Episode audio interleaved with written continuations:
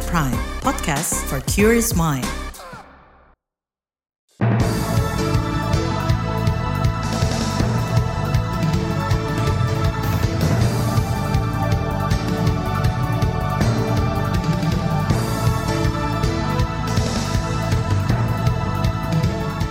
Selamat pagi saudara, berjumpa kembali dalam program Buletin Pagi edisi Senin 11 September 2023. Saya Naomi Liandra.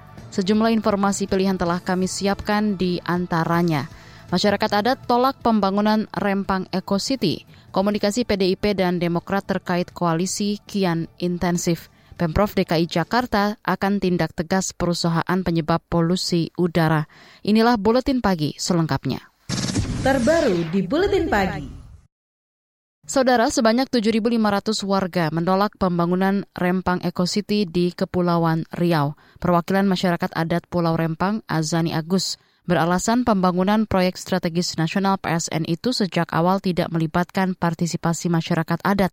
Padahal masyarakat adat di 16 kampung Melayu tua di Pulau Rempang itu sudah tinggal sejak hampir dua abad, tepatnya sejak 1834. Azani menegaskan proyek Rempang Eco City telah mengabaikan hak-hak masyarakat adat dengan mengatasnamakan pembangunan strategis nasional. Di mana tanggung jawab negara melindungi itu? Tidak ada kewajiban negara melindungi investor. Tidak ada di dalam undang-undang dasar. Negara wajib melindungi warga negara Indonesia dan melindungi seluruh tumpah darah Indonesia. Tidak ada satu pasal pun di undang-undang mana pun melindungi investor. Area relokasi itu saja tidak ada. Artinya kan apa? 4.000, 5.000, 6.000 jiwa itu memang dibunuh oleh proyek ini. Dibunuh secara pelan-pelan. Perwakilan masyarakat adat Pulau Rempang, Azani Agus menegaskan proyek itu akan menghilangkan ruang hidup masyarakat adat, termasuk menghilangkan sumber ekonomi masyarakat. Selain itu, proyek ini bakal mencabut jati diri mereka sebagai masyarakat Melayu, orang laut maupun orang darat. Selain menolak relokasi atau penggusuran, masyarakat adat juga meminta pemerintah mengakui tanah adat yang telah diajukan selama bertahun-tahun. Saudara, Rempang Eco City merupakan kawasan investasi terpadu meliputi perdagangan, jasa, industri, dan pariwisata. Rencananya PT Makmur Elok Graha akan membangun proyek senilai 380 triliun rupiah hingga 2080 dengan hak pengelolaan lahan seluas 17 ribu hektar, termasuk tanah adat dan seluruh perairan di wilayah itu. Meski mendapatkan penolakan, ratusan patok batas mulai dikerjakan pemerintah kota Batam Kamis pekan lalu dengan menerjunkan ribuan personil TNI Polri. Akibatnya konflik lahan pun tak terhindarkan. Kepolisian meluncurkan tembakan gas air mata hingga ke area dua sekolah, yaitu SD 24 Galang dan SMP 33 Galang. Polisi berdalih tembakan itu dilepaskan untuk membalas aksi penolakan masyarakat yang melempari petugas dengan batu dan bom molotov. Akibat aksi itu, tujuh masyarakat berprofesi sebagai nelayan dan petani ditetapkan sebagai tersangka karena melawan petugas. Merespons hal itu, Menteri Koordinator Politik Hukum dan Keamanan Mahfud MD meminta aparat keamanan bertindak humanis. Ya kita tetap secara hukum minta kepada aparat penegak hukum untuk menangani uh, masalah kerumunan orang itu atau aksi unjuk rasa atau yang menghalang-halangi eksekusi hak atas hukum itu supaya ditangani dengan baik dan penuh kemanusiaan. Itu sudah ada standarnya. Menteri Koordinator Politik Hukum dan Keamanan Mahfud MD menegaskan upaya yang dilakukan aparat merupakan pengosongan lahan, bukan penggusuran. Pada 2001 dan 2002, kata dia pemerintah mengeluarkan surat keputusan terkait pemberian hak guna usaha kepada perusahaan. Mahfud mengaku tidak mengetahui adanya tanah ulayat atau tanah adat di wilayah itu. Kalangan parlemen meminta pemerintah menghentikan sementara pembangunan proyek strategis nasional atau PSN yang mendapat menolakkan masyarakat termasuk PSN Rempang Eco City. Anggota Komisi Lingkungan DPR RI Selamat mendorong pemerintah memperjelas acuan dalam menentukan kriteria program strategis nasional agar tidak mengorbankan hak-hak masyarakat, terutama masyarakat adat. Ia pun meminta penyelesaian konflik di Pulau Rempang harus bisa mengedepankan kepentingan rakyat, bukan kekerasan. Nah sekarang definisi PSN itu kan nggak jelas. Artinya ketika pemerintah menganggap itu strategis, apa pun risikonya ya dianggap itu. Walaupun bahasa saya gini, kalaupun toh itu mall gitu ya, dianggap strategis, ya udah itu dianggap PSN. Sehingga dari sisi indikator di definisi PSN sendiri itu acuannya adalah keinginan pemerintah. Anggota Komisi Lingkungan DPR RI Slamet menilai perlindungan terhadap masyarakat adat masih terkendala kekosongan hukum. Ia mendorong percepatan pengesahan RUU Masyarakat Adat untuk menjamin hak-hak mereka, termasuk pengakuan terhadap wilayah adat. Aliansi Masyarakat Adat Nusantara Aman menilai penunjukan lokasi yang dijadikan proyek strategis nasional PSN tidak pernah dikonsultasikan secara baik oleh pemerintah. Hal itulah yang memicu konflik lahan dengan masyarakat adat. Direktur Advokasi Kebijakan Hukum dan HAM PB Aman, Muhammad Arman, menyebut beberapa contoh PSN, misal di Kalimantan, dinilai telah mengambil hak hidup masyarakat di sana dan proyek juga berpotensi gagal.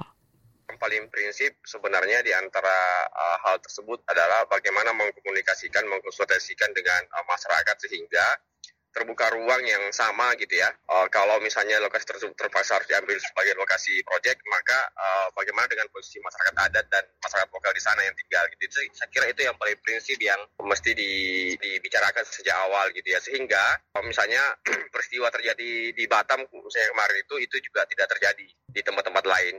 Direktur Advokasi Kebijakan Hukum dan HAM PB Aman, Muhammad Arman, mendorong pemerintah mengkaji dampak PSN secara ekonomi, sosial, dan budaya sebelum melakukan pembangunan, termasuk menghormati dan memenuhi hak masyarakat adat.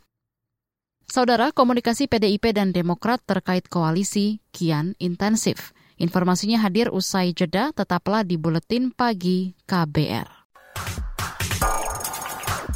You're listening to KBR Pride, podcast for curious mind. Enjoy!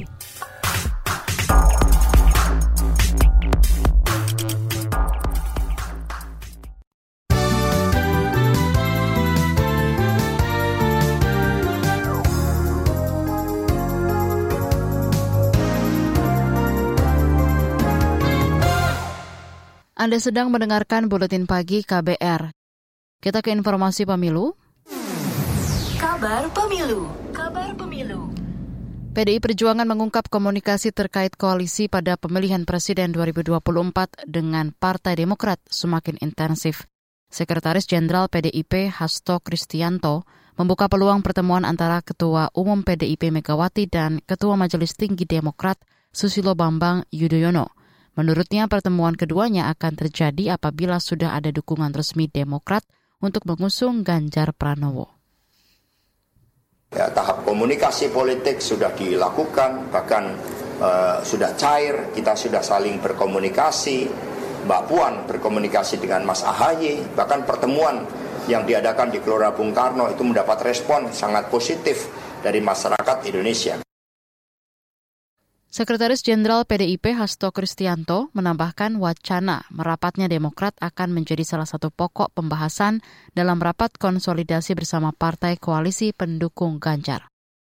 Sebelumnya Demokrat masih pikir-pikir terkait koalisi partai usai hengkang dari koalisi perubahan untuk persatuan dan mencabut dukungannya terhadap Anies Baswedan sebagai calon presiden.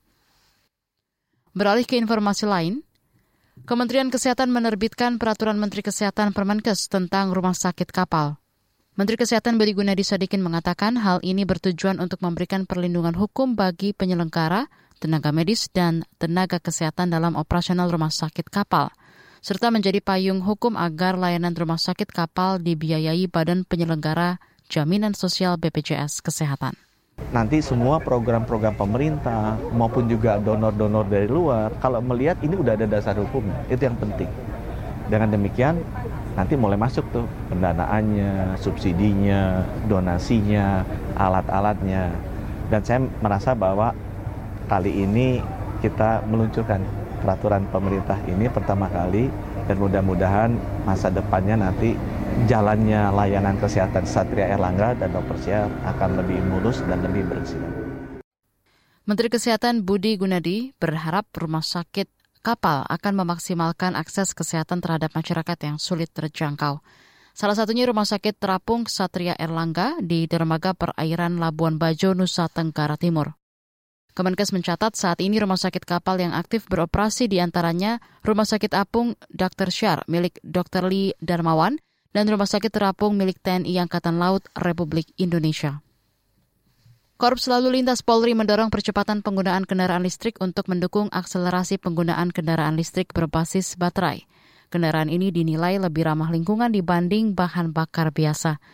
Kakor Lantas Polri Firman Santiabudi mengatakan dukungan konkret yang dilakukan meliputi proses administratif bagi masyarakat yang ingin beralih ke kendaraan listrik ke depan tentunya dalam rangka mendukung program pemerintah untuk uh, lalu lintas yang bersih. Nah, kita tentunya mendukung selain konversi kendaraan umum biasa diganti ke kendaraan listrik juga kita dukung uh, untuk sisi administrasinya. Jadi selaku bagian dari pemerintah himbauan-himbauan dari bapak-bapak pimpinan ya tapi yang pasti dukungan terhadap udara bersih go green yang selama ini kita ini juga harus dimulai dari ya, pemerintah. Kakor Lantas Polri Irjen Firman Santiabudi mengusulkan pengadaan penambahan kendaraan listrik untuk patroli. Kata dia usulan itu sesuai dengan arahan Menteri Koordinator Kemaritiman dan Investasi agar instansi pemerintah mulai siapkan kendaraan listrik. Beralih ke informasi ekonomi. Presiden Joko Widodo menggandeng Italia dalam pengembangan ekosistem kendaraan listrik di dan infrastruktur hijau. Ajakan itu disampaikan Jokowi dalam pertemuan bilateral dengan Perdana Menteri Italia Giorgia Meloni yang digelar di Barat Mandapam IECC Pragati Maidan, India minggu kemarin. Presiden Jokowi dalam keterangan pers tertulis mengungkap pertemuan kedua negara juga membahas sejumlah kerjasama dan investasi lainnya. Kepala negara mengapresiasi komitmen pendanaan transisi energi oleh Italia dalam skema Just Energy Transition Partnership JETP. Beralih ke berita mancanegara.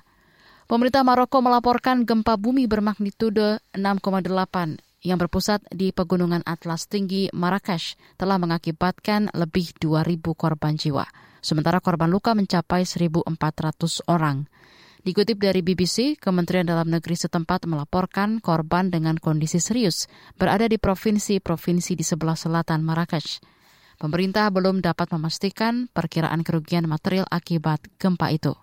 Gempa yang terjadi Sabtu lalu pukul 5 lebih 11 waktu Indonesia Barat itu terasa hingga ke Huelva dan Chen di Spanyol Selatan. Gempa susulan berkekuatan 4,9 terjadi 19 menit kemudian. Organisasi Kesehatan Dunia WHO mencatat lebih dari 300 ribu orang di Marrakesh dan sekitarnya terdampak bencana. Beralih ke berita olahraga. Persatuan Sepak Bola Seluruh Indonesia PSSI meminta timnas U23 tetap fokus dalam persiapan menghadapi tim lain pada Piala AFC. Jadwal terdekat timnas akan kontra Turkmenistan pada Selasa pekan ini.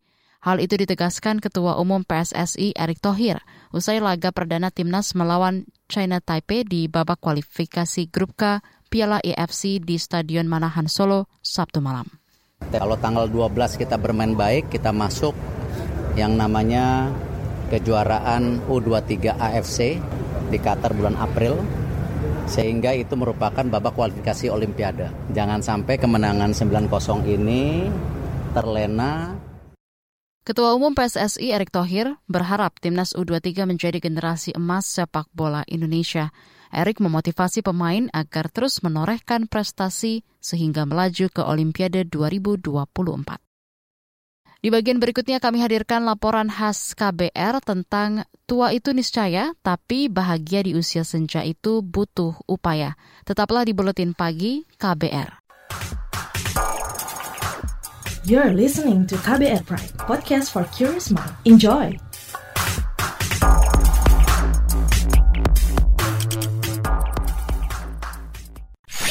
Commercial break. Commercial break.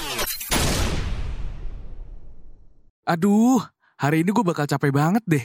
Masuk pagi buta, full sampai sore. Ditambah harus kerja kelompok. Pusing banget. Lama-lama nih ya, kalau kata orang-orang sekarang tuh, mental health gue terganggu. Masih pagi woi, udah ngomel-ngomel aja.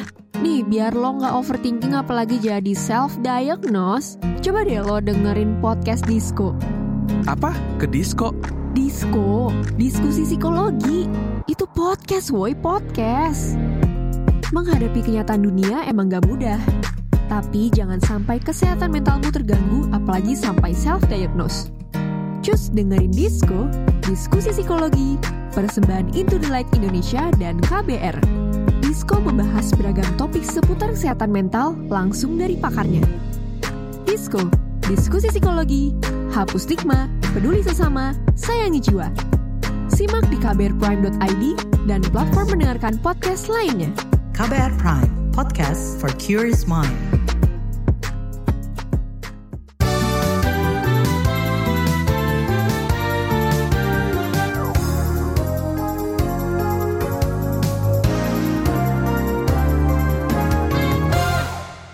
Anda masih bersama kami di Buletin Pagi KBR. Menjadi tua itu niscaya, namun menjadi sehat dan bahagia di usia senja itu butuh upaya. Badan Pusat Statistik BPS mencatat jumlah lansia di Indonesia pada 2022 mencapai 10 persen dari total populasi. Umur harapan hidupnya mencapai 71 tahun, tetapi usia harapan sehatnya sekitar 62 tahun. Kesenjangan ini memperlihatkan banyak warga di masa lansia atau umur 60 tahun ke atas belum sejahtera. Problem tersebut berusaha diatasi, misalnya lewat keberadaan sekolah lansia di berbagai daerah, termasuk di Jakarta. Jurnalis KBR Nini Yuniati berbincang dengan peserta dan pengelola tentang perjalanan sekolah lansia. Laporannya dibacakan Astri Yuwanasari.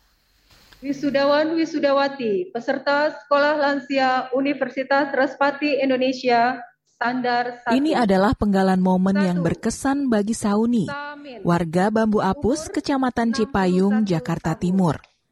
Hari itu, 18 Agustus 2022, Sauni mengenakan baju toga warna ungu, lengkap dengan topi. 5. Sauni, usia 64 tahun. Sauni maju ke panggung auditorium Badan Kependudukan dan Keluarga Berencana Nasional BKKBN Jakarta. Ditandai dengan berpindahnya tali topi toga dari kiri ke kanan. Saunisah menjadi lulusan S1 atau standar 1, Sekolah Lansia Universitas Respati Indonesia, Urindo. Seusia saya apalagi saya cuma tamatan SD. Ada sudah gitu, aduh senengnya sampai cucu-cucu bilang nenek wisuda ya.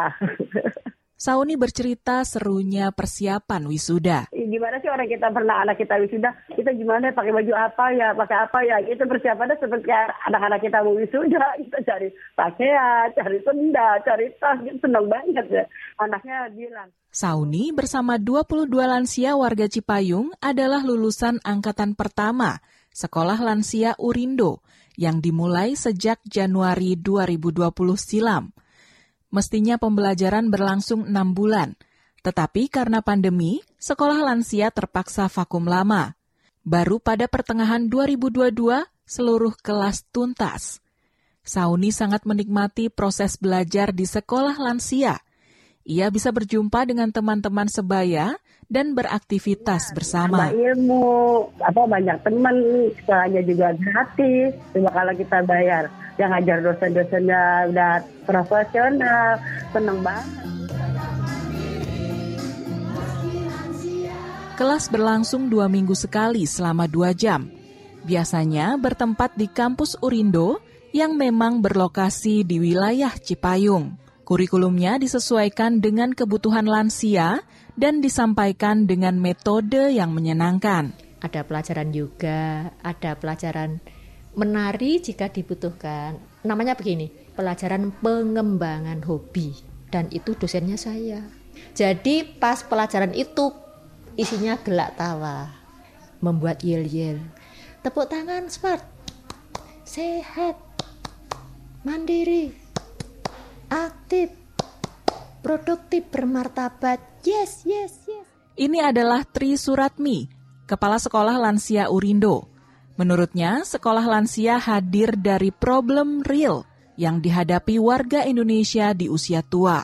Usia, harapan hidup atau UHH itu bisa panjang, tetapi usia harapan sehatnya belum tentu panjang.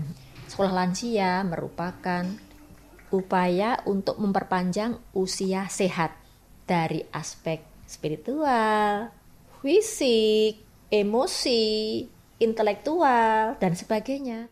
Karena kalau Peserta angkatan pertama didominasi lansia perempuan. Kesenjangan proporsi ini menjadi salah satu tantangan yang mesti dimitigasi. Selain itu, masalah pendanaan juga perlu dicarikan solusi karena menentukan keberlanjutan. Dosen-dosen ini nggak saya bayar, tempat ini nggak saya sewa, petugas parkir misalkan juga nggak saya beri ongkos. Ya, semuanya free karena berbakti ya. Ke depan kalau mau membuat yang seperti ini, ya mesti ada anggaran dari yang mendirikan itu. Yuni Nantari, Putri Sauni ikut merasakan manfaat sekolah lansia. Kata dia, dulu ibunya sempat terpuruk karena harus mundur dari PKK setelah puluhan tahun aktif sebagai kader. Jadi kan ibu kan down ya mbak, memang mungkin sudah tua gitu, sudah tidak dibutuhkan gitu kan berpikirnya.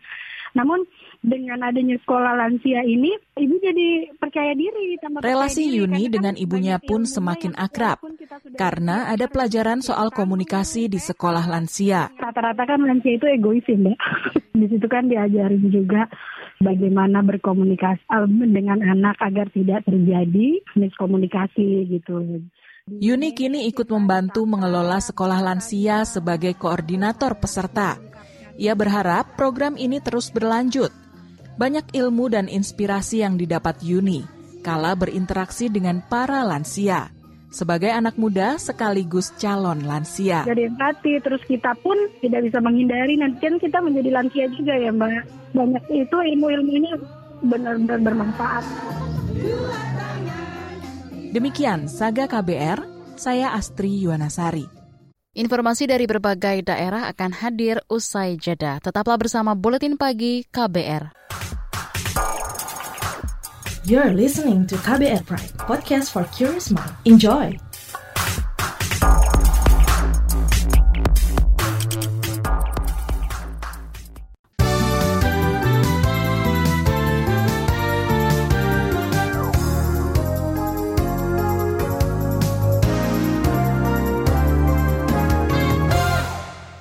Inilah bagian akhir buletin pagi KBR. Saudara pemerintah Provinsi DKI Jakarta akan menindak tegas perusahaan yang mengakibatkan polusi udara. Penjabat Gubernur setempat, Heru Budi Hartono mengatakan ada sejumlah peraturan yang didukung pengawasan ketat pemerintah untuk mewujudkan udara bersih. Kalau mereka melanggar aturan apalagi lingkungan hidup ya kita tindak tegas dan kalau apalagi kalau tidak sesuai dengan tata ruang, tidak sesuai dengan perizinan uh, syarat-syaratnya kita lakukan. Penjabat Gubernur DKI Jakarta Heru Budi Hartono meminta gedung-gedung tinggi di Jakarta memasang water mist dalam upaya memperbaiki kualitas udara dalam jangka pendek. Kata dia meski saat ini polusi udara membaik, semua pihak tetap diminta memitigasi perburukan kualitas udara. Kita ke Aceh. Sebanyak empat desa di Kabupaten Aceh Barat Daya terendam banjir termasuk Alwi Mangota. Kepala Pelaksana Badan Penanggulangan Bencana Aceh BPBA Ilyas mengatakan curah hujan yang tinggi dalam beberapa hari terakhir menyebabkan sungai meluap ke permukiman penduduk serta memutus jalan nasional Medan Banda Aceh di Kecamatan Blang Pidi. Untuk upaya penanganan banjir khususnya di Aceh yang memang ini banjir ini kan BMKG memang sudah prediksi ya uh, curah hujan tinggi kita akan berkoordinasi dengan kabupaten kota, memastikan keselamatan warga dan pelayanan dasar bagi mereka yang mengungsi. Kepala Pelaksana Badan Penanggulangan Bencana Aceh BPBA Ilyas mengklaim telah menerjunkan tim reaksi cepat TRC untuk menanggulangi dampak banjir. Belum ada laporan korban jiwa dan kerugian akibat peristiwa bencana alam tersebut. Adapun ketinggian banjir mencapai hampir satu meter. Bergeser ke Banten, Kapolsek Jawilan menyalurkan bantuan air bersih di wilayah Serang yang terdampak kekeringan pada musim kemarau panjang. Kapolsek Jawilan Dirga Abriawan mengatakan upaya itu dilakukan usai menerima laporan dari masyarakat. Menurutnya dampak kekeringan dan krisis air bersih sudah semakin meluas memberikan bantuan air bersih di Kampung Wanasari Jalan Desa Junti, Kecamatan Jawilan. Karena kami mendapat laporan bahwa masyarakat di desa ini mengalami kekeringan yang di mana kekeringan ini juga dampak dari musim kemarau panjang. Kami mendapat informasi bahwa sudah tiga hari warga di kampung ini tidak mendapatkan air bersih sehingga kami dari Polsek Jawilan bekerja sama dengan Damkar Kecamatan Jawilan berinisiatif untuk memberikan uh, bantuan air bersih kepada para masyarakat. Kapolsek Jawilan, Dirga Abriawan memastikan akan terus meningkatkan koordinasi dengan para pemangku kepentingan untuk menggencarkan bantuan air bersih ke masyarakat yang terdampak. Informasi tadi menutup jumpa kita di Buletin Pagi hari ini. Pantau juga informasi terbaru melalui kabar baru, situs kbr.id, Twitter kami di akun @beritaKBR, serta podcast di alamat kbrprime.id. Saya Naomi Liandra bersama tim yang bertugas undur diri. Salam.